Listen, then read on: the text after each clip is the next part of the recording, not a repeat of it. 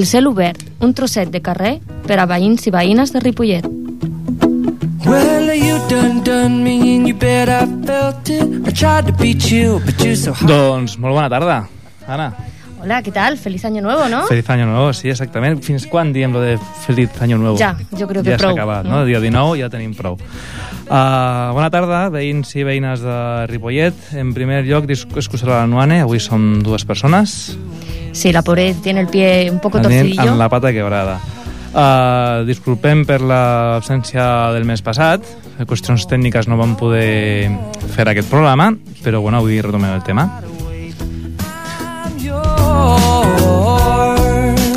Uh, ara, que són les 8 i 10... Us I 11, podem- i 11. I 11, i 11. Bueno, sí, és a dir, avui som en directe. És la primera vegada que som fent el programa en directe, així que disculpem, o demanem Paciència. disculpes, sí, paciència, i, bueno, eh, bon profit als que estem sopant. Y a los que estéis en el aperitivo, porque nos estéis escuchando el domingo, perdón, no mañana, Mm. sino el domingo durante la repetición de 12 a 1 de la tarde. Exacte, vigileu amb els ossos de les olives. De què parlem avui, Anna? Hoy hablamos de espacio público, de, o sea, de las calles, los parques, las plazas. Puedo seguir si quieres. La playa. Diciendo, enumerando aquí. Y luego también hay que mm, vamos a dar la bienvenida a una asociación de Ripollet, como en cada programa, que en esta ocasión será Acción Fotográfica, que supongo que la mayoría de las personas que nos están oyendo ya la conoce. Hacen muchos eventos en el pueblo y nos van a contar algo sobre ellos. Perfecte, doncs com que avui ho fem en directe i anem una mica malament de temps i una mica atropellats, doncs ens mengem eh, el, la... com es diu? Això, Taulell el d'anuncis. d'anuncis i anem directament a la porteria.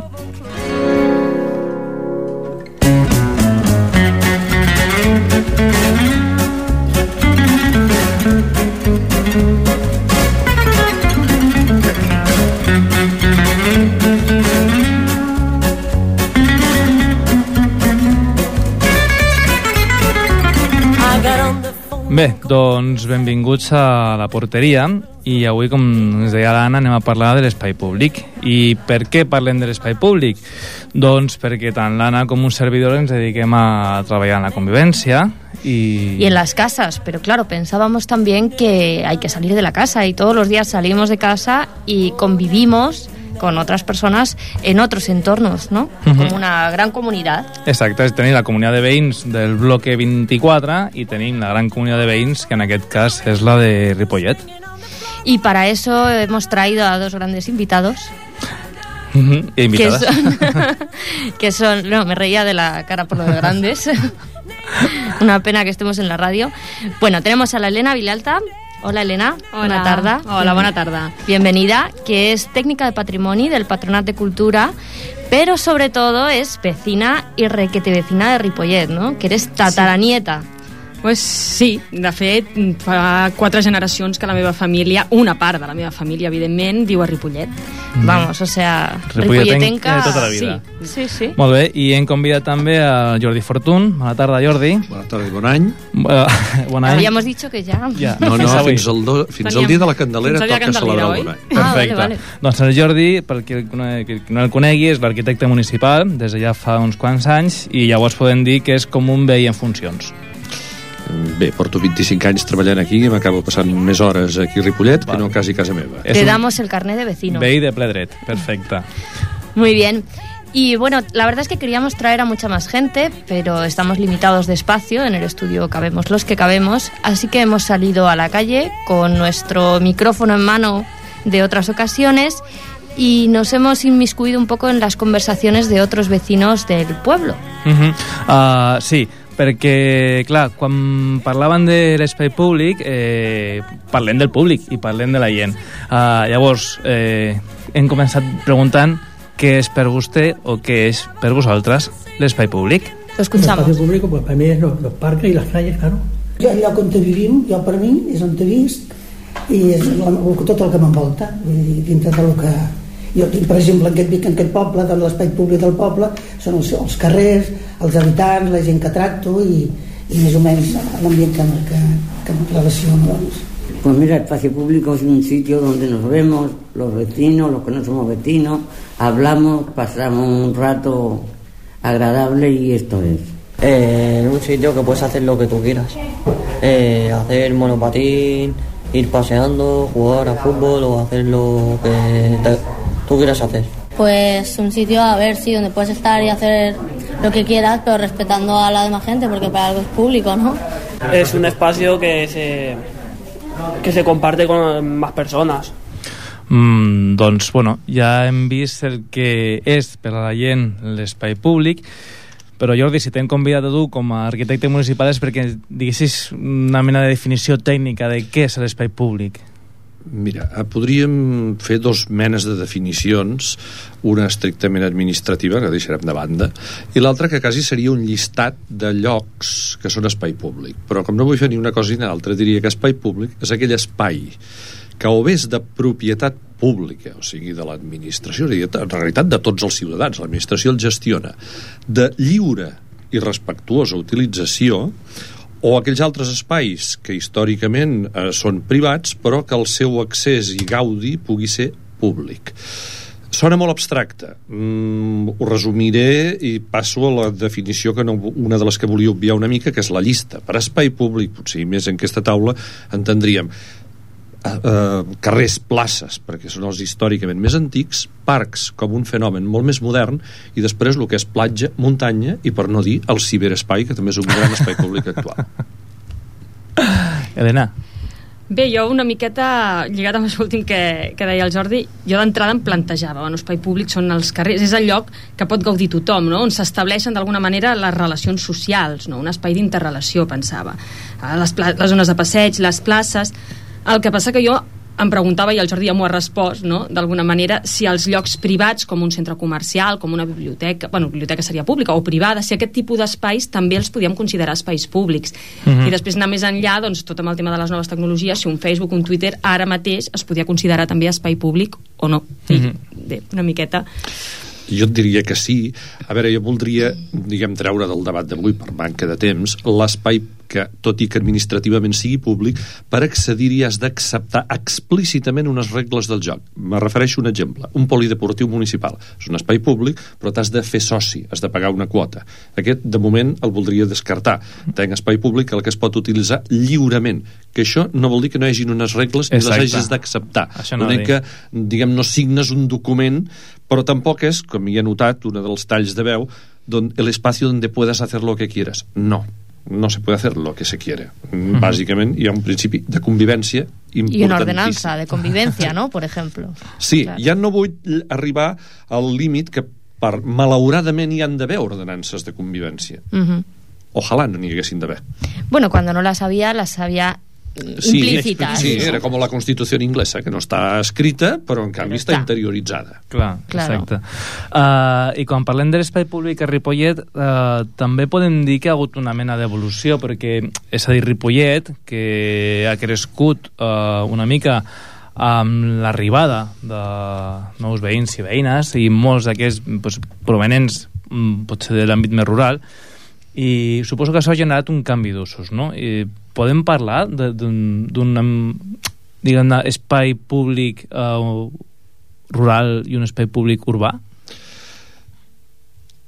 Actualment jo no sabria, no et sabria, jo suposo que el Jordi sabrà respondre actualment més si podem parlar d'aquests dos espais. Jo sí que el que veig o el que, el que dedueixes és que ha canviat molt i Ripollet ha estat, ha estat sempre rural, fins fa doncs, fins als anys 60-70, que va ser quan va venir tota la onada de, immigratòria dels anys 60, llavors es van començar a transformar tots els espais, i jo penso que en realitat aquests espais públics no sé si es concebien antigament com a tals, perquè en realitat la gent sortia al carrer i, i ara pensem en espai públic amb el parc, amb, amb, tot aquest espai només de compartir. I en aquella època doncs eh, anaven a la vinya, anaven no, sabri, no, no crec que tinguessin el concepte d'espai públic, Mhm. jo penso que ara es té més Efectivament, estic d'acord, però no, jo crec que no és un fenomen de Ripollet de societats rurals o no rurals, sinó de quasi, quasi d'usos de classes socials. M'explico, el carrer i la plaça, des dels temps dels romans, que d'alguna manera està codificat la manera d'usar-lo. En canvi, el que hi hem afegit, que és el parc públic, no és perquè Ripollet hagi passat d'una societat rural, és que és un fenomen que s'ha produït, et diria que tota l'Europa moderna. És un fenomen dels últims 50 anys. El parc, abans, com a molt, eren llocs privatius de l'aristocràcia que a partir de la Revolució Francesa utilitza la burgesia com a lloc per anar-se a ensenyar, però els menestrals i gent de la meva edat, que tenim més de 50 anys, no anàvem al parc, anàvem, agafàvem la tartana o el carrilet i baixàvem a Salou o anàvem a la muntanya a menjar la mona el dia de Pasqua. Clar. I aquí a Ripollet la gent anava als pinatons i era un d'aquests espais que dic, que era de titularitat privada, però obert a tothom, però aquest concepte de parc on portar el nen a jugar al columpi i companyia no existia, No és existia. molt recent aquest Claro. concepte. También hemos preguntado a la gente que cómo era antes, ¿no? Y qué, qué pasaba cuando Ripollet, antes de, de estos años 60 y 70, era un pueblo muchísimo más pequeño y con una relación con, con el entorno pues más rural, ¿no? vinculada al campo y tal. Vamos a escucharlo. L'ambient que hi havia abans de poble, jo quan vaig venir a aquest poble eren 3.500 habitants, i avui dia si són 35.000, no sé, imagina aquestes escenes d'aquí davant, posar, la gent posar les mongetes a secar al carrer, les ametlles, les coses, les portes es preferien obertes. Vull dir, no, era un ambient molt, molt, molt tranquil, molt... Era l'any 53. Había la calle a veces, ¿eh? En verano, de mucho calor. Tendía la, una manta allá en la calle y ahí dormían algunos. Que ibas por la calle tienes que ir aportándote por, por empezar. Cuando yo vine aquí a vivir a Ripollet, que fue en el 64, pues yo vivía aquí arriba. Y ahí las tiendas estas pequeñas de allá arriba tienen un tranco muy alto. Pues allí nos sentábamos las vecinas como, un ambiente muy como un familiar. ambiente muy familiar. Los críos, entonces la calle estaba de tierra. Mis niñas eran chiquitas, las dos. Y allí en el- con- pasaban coches ni eso, y nos pasábamos las tardes así buenas.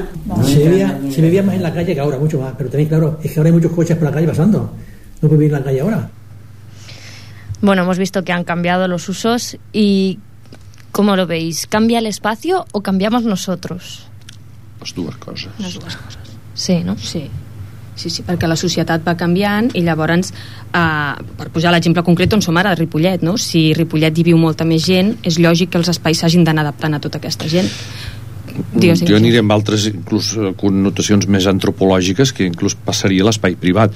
L'espai privat del que parlaven algun d'aquests veïns que parlaven ara era un espai compartit per moltíssima gent que no hi havia eh, llocs d'utilització de lleure dintre de la casa i per tant el carrer, bàsicament el carrer que era el més pròxim dintre del públic era el que tenia la utilització que avui en dia s'ha substituït per la sala d'estar on ha el televisor Claro, claro. Però que fins i tot això que diu Jordi, ara actualment també ens trobem en molts pisos on ara actual, ja està visquent molta gent i també estan utilitzant aquests, aquest carrer per, per descongestionar una mica no? el, Mm. la vivenda on, ta, on estan tots Claro, y como decían mm, los vecinos que hemos escuchado, había un señor que decía que con tantos coches por la calle, como que era difícil, ¿no? Salir al ca- a la calle a jugar, los niños y tal. Mm, con- ¿Es el uso el que condiciona cómo se generan los espacios o es el espacio lo que condiciona la manera de usarlo, ¿no? ¿Cómo Los- podemos interactuar ahí? Jo crec que les dues coses, vull dir, és un feedback, però també hi ha d'haver una acció que és l'acció política, la decisió política, perquè bàsicament amb el conflicte cotxe-peató, evidentment és una lluita, i té una lluita que també és la de guanyar per una qüestió quasi de força mecànica el cotxe que el peató, que el viaran. I aquí sí que entenc que hi ha d'haver entre l'acció política. Per què s'aposta més? Eh, què volem que siguin Clar. els carrers? Clar. Per caminar, per desplaçar-se, per estructurar la ciutat o simples vies de comunicació? Eh, clar, per, perquè l'altre dia, bueno, no fa gaire en una xerrada que estaven sentint a l'Oriol Boigas, que és un arquitecte Mhm. doncs, de renom aquí a Barcelona doncs aquest senyor deia que la ciutat no és la gent sinó que és un invent artificial contra natura per beneficiar la vida política, el teixit productiu i econòmic. Podem dir que és això, que la ciutat no és la gent sinó que és com se fa i després és la gent que quan parlem del que es diu es conec com els traçats naturals reinventa aquesta ciutat? A veure, la ciutat, i a més citaria el propi Oriol Boigas, és la construcció cultural més sofisticada de la raça humana, a diferència d'altres animals. I com a tal construcció cultural és una construcció artificial. I la seva manera d'utilitzar-la va canviant de manera que també va canviant les, la societat que l'ha anat creant i, l'ha anat, i la va transformant. Mm. Claro, es saber quién puede más, ¿no? O sea, Sí. A- miqueta. Antes el río pasaba por donde el río per quería. on el riu queria, i- exacte, i l'hem anat canalitzant, és una miqueta el mateix. ¿Pasaba el río antes por donde pasa aquí en Ripollet? ¿Siempre ha pasado por ahí? Bueno, el, mira, el Rio precisament ara estem treballant a la, ara el, el tenim una miqueta marcat, això el Jordi també com a arquitecte us sabrà explicar millor, però justament a l'any 62 quan va haver-hi les riuades es va tenir que fer una obra important perquè el riu no sortís del curs que, que tenia. El riu, a Ripollet, no sols el riu, sinó el que jo en diria els sistemes hídrics, que el principal és el riu, però hi havia tots els recs, han condicionat i molt i segueixen presents a la configuració física de l'espai públic de la ciutat de Ripollet, encara avui en dia, malgrat que estiguin canalitzats la, Mhm. quasi tots ells. O sea, que tienen fuerza todavía natural, ¿no? Mucha. Eh, Molta. sí. Clar, que de fet suposo que això eh, té a veure també en les Rambles, en els traçats aquests que com que estan fetes les ciutats, sobretot aquí a, a, bueno, al Levante espanyol, no? que això influeix molt, no? Sí, evidentment, a els primers assentaments urbans, però això ja ve quasi dels homes primitius, evidentment era una adaptació al medi natural i el que es anava anant construint mm, era una mica contra natura, però eh, no arriscant excessivament, sinó Mm. una mica mm, pactant amb la natura. Uh, doncs, just abans del que parlaves, no? de, de lo de la televisió, anem a sentir un, un tal que és, que és interessant i que ens dona peu a, a xerrar d'altres coses.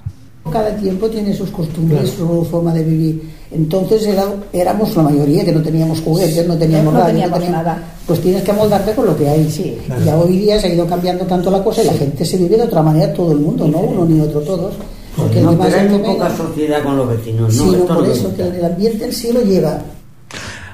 Hi ha molt poca societat amb els veïns, no? Uh, això que deies abans, no? que potser abans el, el, el carrer era com la sala d'estar de, sí. de casa nostra, eh, si més no, a més, eh, bueno, era un espai on necessi- necessitaven compartir, no? perquè hi havia a vegades un televisor únicament en el carrer o al bar, no? i pot ser que l'abundància o, o la, la millora de que la qualitat de vida haya fet que compartim menys, que ens trobem menys al carrer? Sí, jo penso que, a veure, el típic exemple de la televisió, no? o, de, o de tenir les portes obertes abans de les cases. La gent entrava sense problema d'una casa a l'altra i, i hi havia com una confiança. Això suposo que per, també per qüestions de seguretat s'ha perdut. Però el tema de compartir, ho parlava fa uns dies justament amb el meu pare i ells tenien, eren dels, dels que van tenir primer la tele al carrer i la gent anava a veure el partit de futbol a casa d'ells, tots els veïns, no? I llavors això feia tertúlia, feia debat i generava doncs, aquestes interrelacions que parlàvem. Ara cadascú té la seva tele a casa seva, però tot i així, en el moment en què estem vivint ara, probablement ahir, per exemple, que hi havia el partit, El molta gent es va juntar en el bar, no? I llavors una mica es reprodueix doncs, amb un altre tipus d'espai aquesta situació de compartir els recursos eh, que ara, ara actualment la societat té més accés a, a molts recursos però jo penso que igualment encara hi ha moltes oportunitats de poder compartir coses el que passa que no sé si som conscients i si les aprofitem ben bé Sí, jo crec que la clau està una mica en el que dius tu, compartir, Helena. Uh, a veure, um, fa anys, quan aquests medis com el televisor, com, com a paradigma modern, uh, ha provocat una certa aparent, in, bueno, aparent no, un individualisme. La gent es tanca a casa seva. Curiosament, també ha, anat paral·lel a la utilització d'aquests nous espais públics, com és el parc, però cuidado. La manera en què estem, entenc jo, mal utilitzant o perversament a vegades utilitzant l'espai públic és en un sentit privat o sigui, vaig a aquell parc perquè sembla que el parc Que sigui meu, meu. Mhm. i ja crec que en el fons es cau en aquesta paradoxa d'utilitzar l'espai públic de la mateixa manera que utilitzes la sala d'estar de casa teva i el teu televisor i aquí és una cosa que potser entre tots hi hauríem de, si més no, no sé si corregir però reflexionar sí Que, de, perdó, sí. de, és, que de fet és quan es generen els conflictes, no? quan privatitzem l'espai amb el, a vegades el nostre ús. Sí, i de fet, ara ja parlo una mica com a mama, eh? però Mhm. quan fas Bueno. ús del parc, moltes vegades et trobes uh, que les criatures estan en el columpio i aquella cosa que hi havia, almenys a la meva època jo recordo que hi havia com un- una espècie de còdic implícit que el nen s'esperava, llavors l'altre s'estava columpiant dos minuts i sortia. I ara moltes vegades és l'adult que ha d'intervenir perquè hi ha aquella criatura que s'apodera d'aquell columpio, del que sigui, del tobogan, i no deixen els altres nanos. No? I és Llavors de jo- todos, I claro. és de tots, clar, és un espai que és de tots, i jo penso que això, els adults som els que hem de d'educant els, na- en els nostres nens no, amb això i, i penso que en- que en aquest aspecte s'escapa molt Claro, el individualismo, El individualismo, también, sí. quizá, ¿no? Que incluso en una propia vivienda eh, a veces se tienen hasta diferentes televisores en cada estancia Claro. y cada uno está viendo lo que i la parece, família ¿no? potser està una està a la cuina, l'altra està a l'habitació l'altra està a la sala i això és... Clar, just quan, quan preparava el, el programa, eh, una de les preguntes era si, si potser és, hi ha una generació, que potser és que tenim més ja, inclús de 30 anys, eh, estem acostumats a, a, fer, a compartir aquest espai públic, però hi ha gent més jove que no conec Que aquest no. espai de compartir. no el coneix i a més des dels que dissenyem o treballem físicament l'espai públic, no el convivencial, que és més feina vostra, Pablo i Anna, caiem amb l'error de la compartimentació de es- aquest espai físic. M'explico. El, par el, el parc sembla que vulguem que tingui la zona per jugar a bàsquet, la zona pels nens de 3 anys, la zona pels nens de 4 anys, la zona de solet pels avis, la zona del pipicant pels gossos. Error. Aquest estiu, i perdoneu si m'enrotllo molt, vaig fer unes fotos que em va reconciliar una mica amb la humanitat amb un parc molt històric mm, que és el Hyde Park de Nova York, ai, de Nova York, perdó, de Londres, De Londres. aquella extensió de gespa que vaig estar una estona allà observant com en un moment determinat va arribar a una escola, van muntar unes porteries, van posar a jugar a futbol. Cap d'una hora van acabar el partit, van desmuntar les porteries i va venir, era l'hora de dinar, la gent va estendre les mantes per allà i es va posar a dinar. Aquesta gent va marxar i després va venir gent a passejar gossos. Crec que és aquest una mica més el model que hauríem d'anar. Bueno, vamos, también hemos preguntado esto, ¿no? Ahora mismo, ¿qué, qué, es- qué usos se hacen de los espacios públicos que tenemos? Vamos a escucharlo. O sea, para encontrarte en casa de alguien a lo mejor, pues dices, pues vamos a este sitio y nos sentamos aquí, pasamos la tarde, merendamos y nos contamos cosas. O un espacio para quedar, yo lo uso mucho para quedar para ir luego al punto, a los bares o cualquier cosa. Hay un, un pequeña placeta allí al lado nuestro, que en el tiempo bueno sí que se reúnen allí los vecinos. Pues se charla de, la, de todo, de todo un poco. Si toca que va a haber elecciones, pues se habla de aquello. Y si toca otra cosa, pues se habla de otra cosa. Hay bancos allí también. Y además hay un- una pared y también se ocupa. Sí. Y estamos allí bastante ratito, sí. Pero bueno, en verano, ¿eh? En verano En y en invierno, buen tiempo, claro. allí no va nadie. Aprovechan los bancos, te sientas, caminas por la calle. Pues si te vas con tus amigos, pues te sientas en un banco y vas ahí la tarde. Nosotros para, para, para eso, a los niños, los nietos, un poco a jugar. Que se hace mucho el caso, que nosotros mismos allí junto al colegio Diana, hay un buen espacio para jugar ahí los niños. Pues muchos días estamos ahí nosotros solos, ¿eh? Nosotros, solamente los nuestros. Domingo por la mañana, los nuestros solos allí. Están todos en, la- en casa viendo la tele o viendo lo que estarán haciendo, no saben. Jo també a l'estiu ens reunim aquí a la Rambla, cinc o sis senyores, la majoria viudes, i, i bé, passem unes, i passem, com que coneixes la gent que passa més o menys, fem una mica de xerradeta, ara no, perquè aquest temps fa... Doncs ara que no fa bo, ens estem a dintre i juguem a cartes, o juguem al dòmino, o, o expliquem contes, o el que sigui. Però vull dir, l'espai públic al carrer, diguéssim, és a l'estiu. Quan comença a venir el bon temps, i llavors si ens reunim molt aquí fora. Pues sí, hay muchos usos, pero es verdad que si os fijáis en, en lo que decían, tanto los jóvenes como los más mayores ha- hacen lo mismo en el espacio público. Van allí, se sientan, hablan de sus cosas, quedan y, y bueno, ¿no? Sí, és de fet, jo pensava, ara quan anàvem parlant, pensava en l'exemple, bueno, potser el parc que jo he freqüentat més per proximitat, no? I estava pensant en el parc dels mestres, aquí al costat, que he conegut com el Parque de los dels Pijos. O com la Moncloa, no? I Sí. perquè és una mica perquè a la, a la Moncloa van els avis al matí a l'hora del solet a debatre i a xerrar. Després a la, a la tarda millor hi queden els grups de joves a tal hora quedem en el Parque de los Pijos. Els nanos amb, les, amb els pares es troben amb la canalla xerrant i és un espai com que tothom va fer una mica el mateix, no? Les diferents generacions. Però és un espai que has posat com a exemple, que és perfecte com a exemple per lo que volia introduir, que és aquest espai públic de proximitat i aquest altre espai públic que ja has de decidir anar-hi per anar-hi a fer unes altres coses. El que millor funciona i el que permet aquest multiús i una convivència més civilitzada, més urbana, és el petit espai públic de proximitat que a vegades ningú ha dissenyat es fabrica sol. Claro, es la, Ujú. eh, la gente que lo utiliza quien decide un poco qué Sí. normas, ¿no? Y cuándo y cómo y... Ah, però justament això també eren aquestes preguntes, no? Què es té en compte a l'hora de dissenyar un, un espai públic? Malauradament massa aquesta plurifuncionalitat que he dit abans la zona de jugar bàsquet la zona de l'skate, la zona pels avis la zona dels no sé què i els últims anys aquesta obsessió paranoica pel disseny que tenim en aquest punyetero país que quede molt maco, no? Sobretot. Mm, a mi, mm, un espai públic que m'agrada eren els, que les voreres amples en què no hi havia ni cadires i els veïns se les baixaven de casa i se senten Sí, sí, com eh? Sí. o la terrassa d'un bar que la gent s'acaba distribuint les cadires segons el grupet que arribi hauria de ser eh, més en aquesta mentalitat més versàtil que hauríem de dissenyar l'espai públic Claro, y luego eh, los usos ¿no? de diferentes grupos de edad, incluso con diferentes intereses, eh, dentro de ese mismo espacio generan también conflictos. Conflictos. ¿no? Y vamos a escuchar qué nos dicen de los conflictos. Problema yo no veo del que dicen ni jaleo, ni pelea, no, ni nada, no, no, se ve nada. Yo tengo un espacio muy grande y yo no veo. No. no, no. no. L'ambient que Ni pelearse con todos los críos que hay allí No. en el parque, las padres, unos con. Yo no he visto una pelea nunca. No, no, convivencia, mucha convivencia luego. Sí. Y problema nosotros por allí, la- los contenedores, la- digamos, sobre todo los muebles, que los sacan, por ejemplo, recogen hoy y mañana lo sacan. Lo de los perros es un, un problema común para todos. Sí, Nosotros vivimos en la calle San Sebastián, hay pocos espacios para ahí hay poco terreno también. Y entonces tenemos una placeta y siempre siempre están allí todas las mañanas los perros. Y aunque haya niños allí jugando más tarde, es igual. Gente que respeta el espacio y gente que no lo respeta. Por ejemplo, yo, el tema botellón. No hay ningún espacio preparado para un botellón. ¿Dónde lo vas a hacer? Pues en el parque. Lo Una hacemos- cosa, pero Si hacemos eso, precisamente nos vamos a algún sitio que para no molestar. para no molestar. Siempre cuando dicen que siempre están diciendo que somos los jóvenes y los jóvenes, algunos jóvenes siempre somos, los respetamos y todo eso.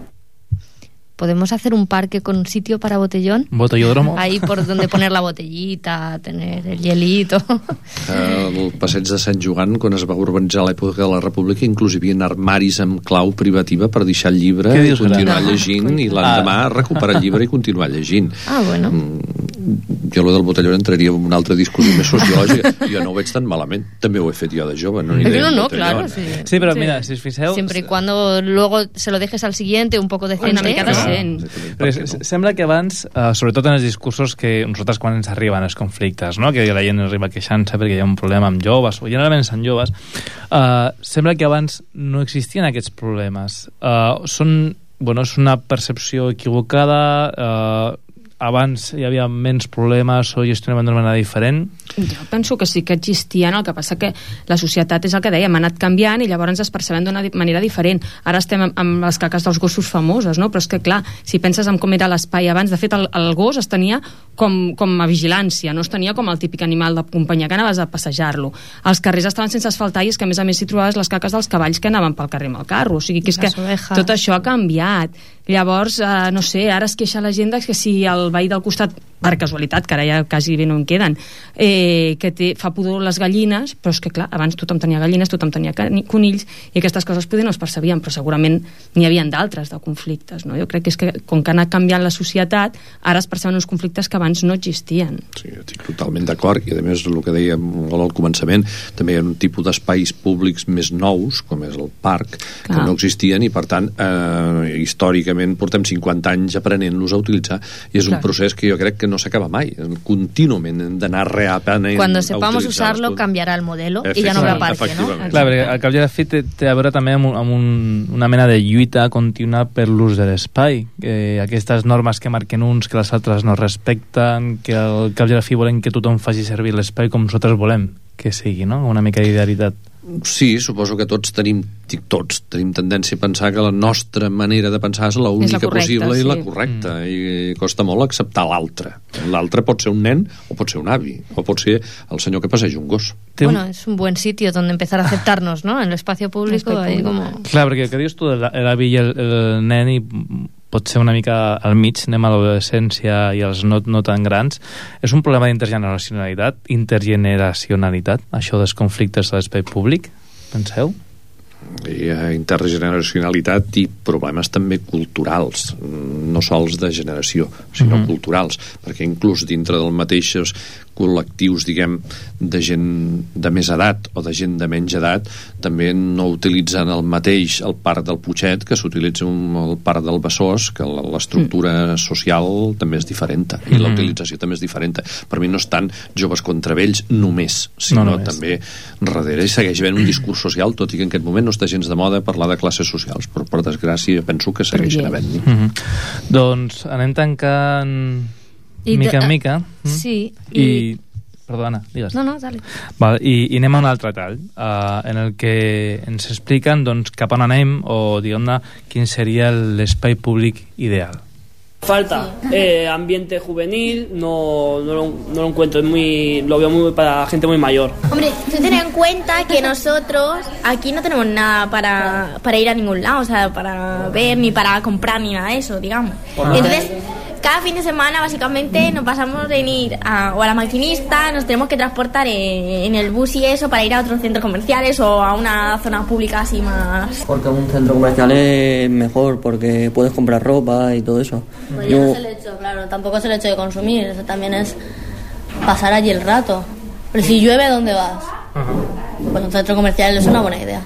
Sí, la tele también ha, hecho que, que seamos más recogidos. No sé, sabemos, sabemos mucho menos, ¿eh? Por culpa de la tele.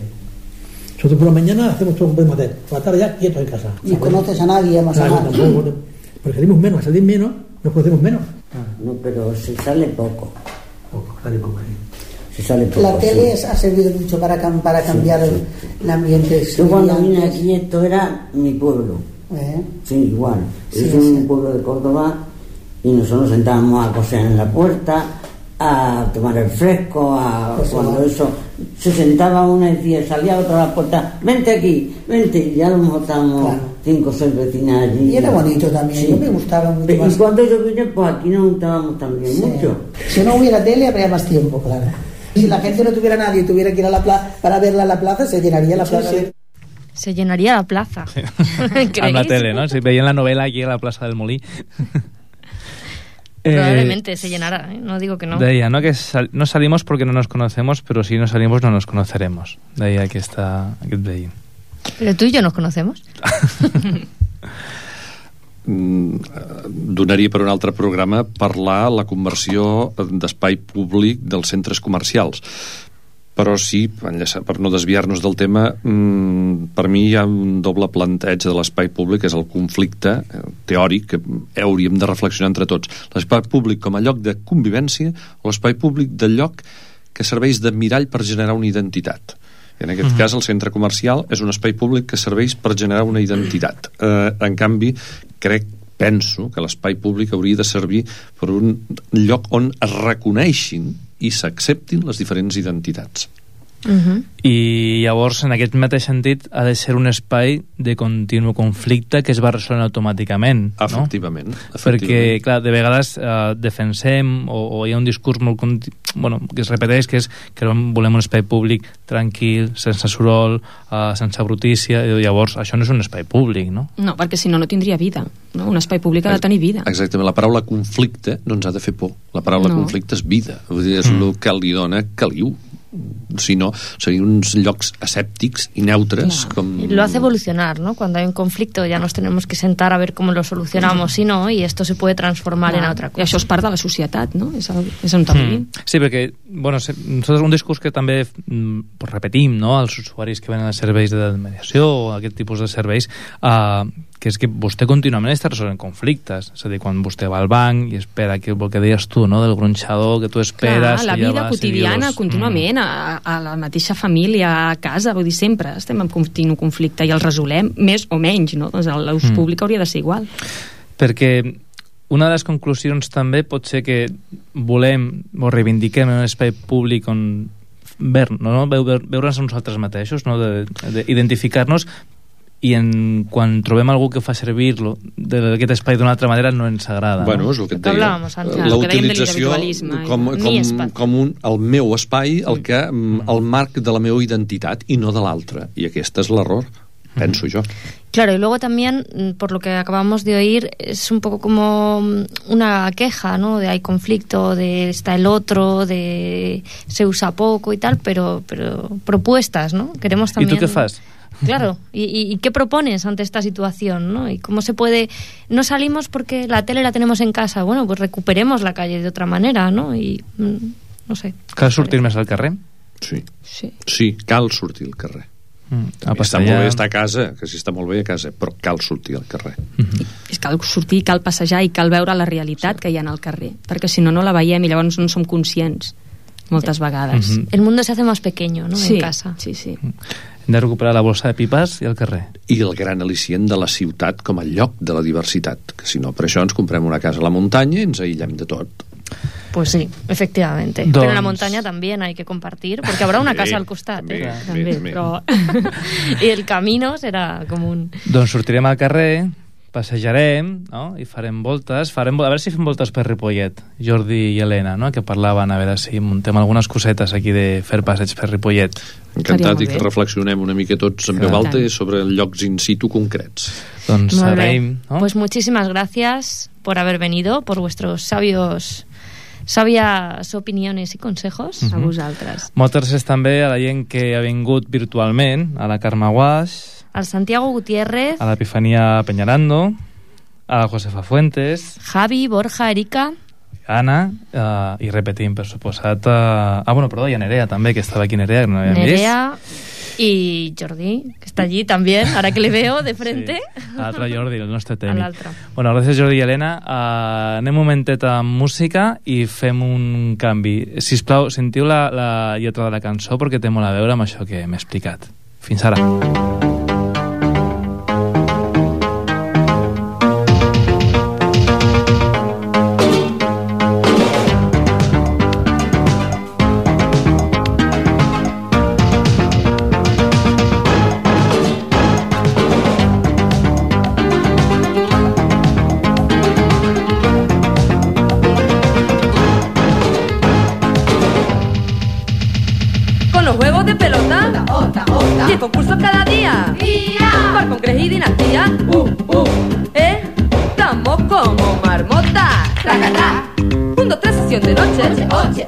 y los anuncios de coche, tienen a toda la gente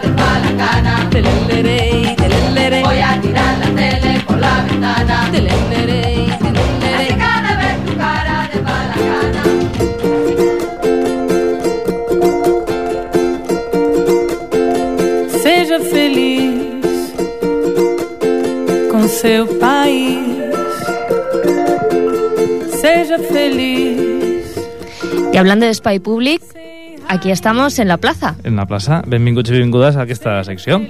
Y con nosotros hoy tenemos a la asociación, que ya lo habíamos presentado antes, de Acción Fotográfica de Ripollet, una asociación de fotografía nacida en febrero de 2009 y que es el fruto del trabajo de un grupo de personas aficionadas a la fotografía. Avui, avui ens acompanyen el Joan Serrano, que és el presidente, i el Ramon Bellar, que és el vicepresident. Bona tarda. Bona, bona tarda. Hola. Uh, bueno, felicitats, no?, que esteu d'aniversari gairebé. Pues sí, ens falta, ens falta la veritat que molt poquet per fer el tercer aniversari. Molt bé. No, enhorabuena.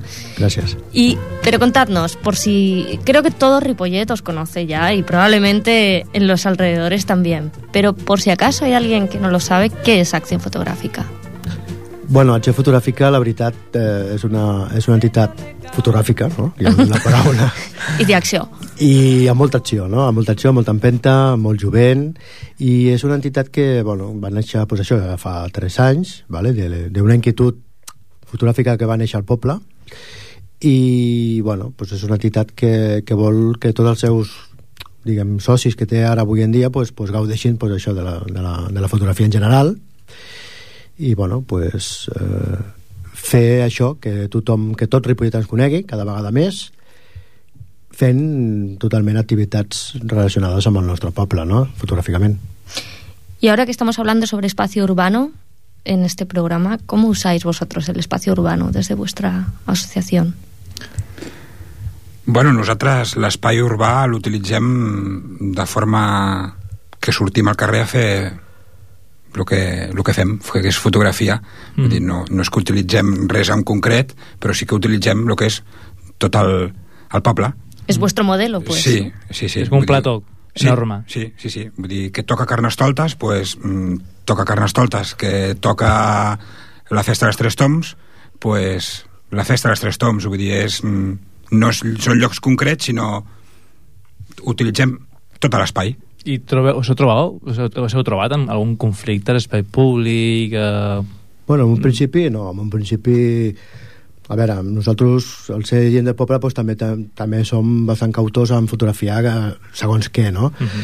El que sí que eh, el seu fotogràfica va néixer també per, per poder fotografiar tot Ripollet tal com és, vull dir, la seva, la seva part cultural, la seva part social, la, la seva vida de quotidiana, els espais, les places, els monuments, i això és el que estem fotografiant dia a dia amb totes les sortides que anem fent amb, amb tots els socis.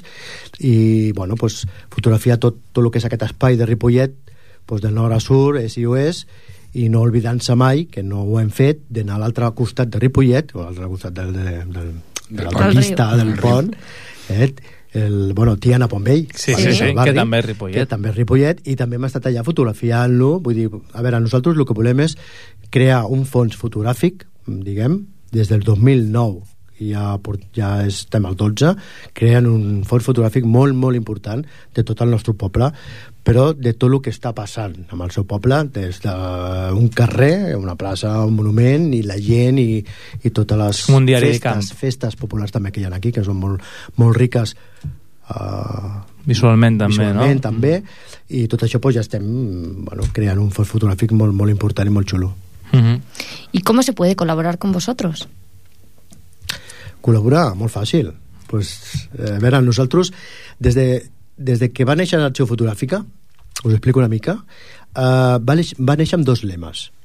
Un, el primer que és que tot el soci gaudeixi de la seva entitat proporcionar a Acció Fotogràfica tota la ventall de possibilitats perquè un fotògraf estigui totalment mm, omplert Mhm. a fer la seva tasca fotogràfica, exposicions, eh, concursos, eh, sortides, Tallers. eh, tallers eh, tenim web, bueno, XXX, ¿vale?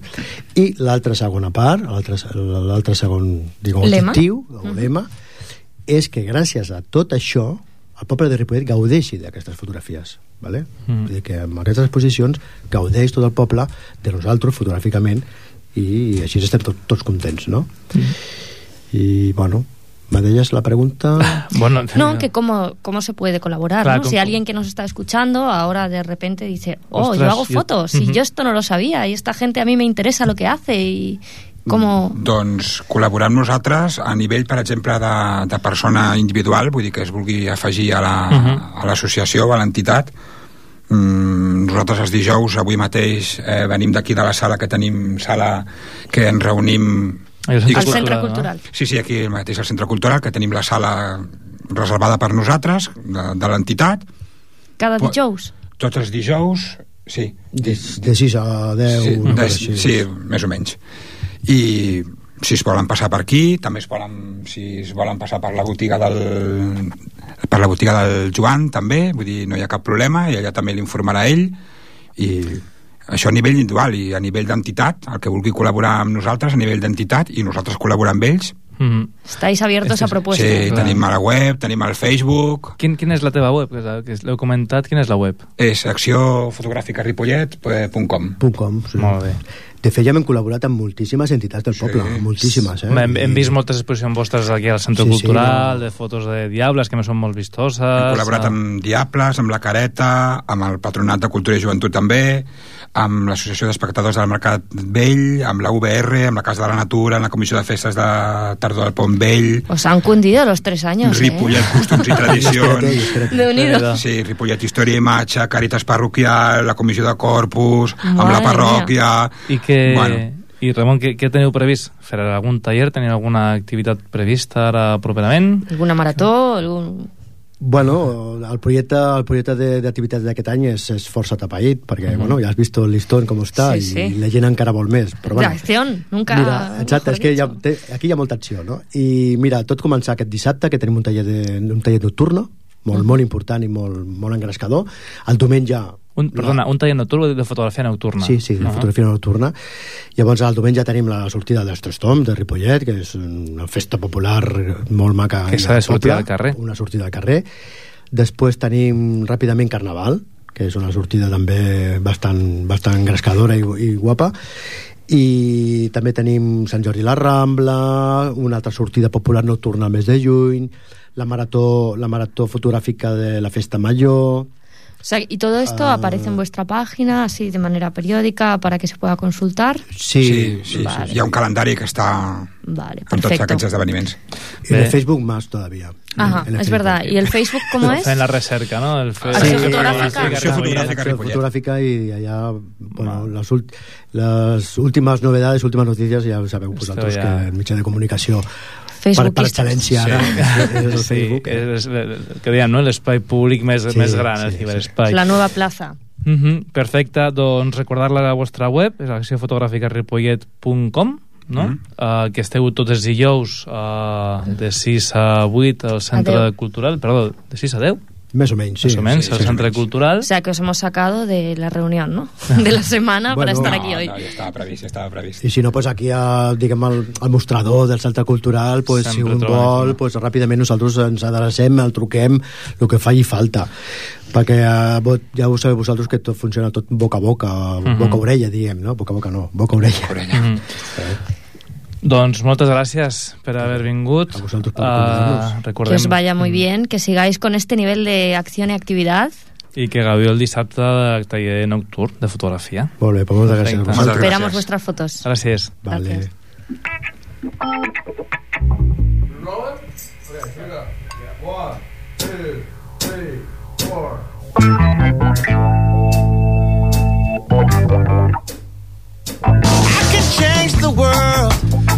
Doncs acabem i marxem. Qué corto, otra sí, vez. sortim al carrer ara. Uh, recordem que podeu enviar les vostres suggerències uh, pels propers programes al mail del programa que és mediació arroba ripollet.cat O al teléfono 93 504 60 24. uh -huh. També podeu tornar a escoltar aquest programa uh, si el descarregueu de la web ripolletradio.cat i feu clic en el, el cel obert. Y nada, daros las gracias por estar ahí, como cada, como cada Casi tercer cada- jueves de cada No és mes. fàcil, no? I quan ens tornem a veure, Anna? Eh, el- espera que te lo miro en la chuleta, el 16 de febrero. Si, si todo Si está va en su sitio. Molt bé, perfecte. Doncs eh, hem fet aquest programa veient del programa d'intervenció de barris de Can Mas, l'Anna i la Noana, les tècniques de vincle, Y el mediador de ciudadanía que eh, de Ripollet, Pau. que es el Pablo, y el programa, bueno, de De mediación. mediació. Uh, doncs com dèiem, bon any, bona entrada d'any, que ja no ho direm més. No, ya es la última vez que lo decimos en este 2012. Muchas gracias, Jordi, muchas gracias a todo el resto del equipo. I... Gracias, Pablo. Gràcies, Un placer Anna. tenerte Molt aquí esta tarde. Molt amable. I fins el 16 de febrer. Molt bé. Chao. Adeu.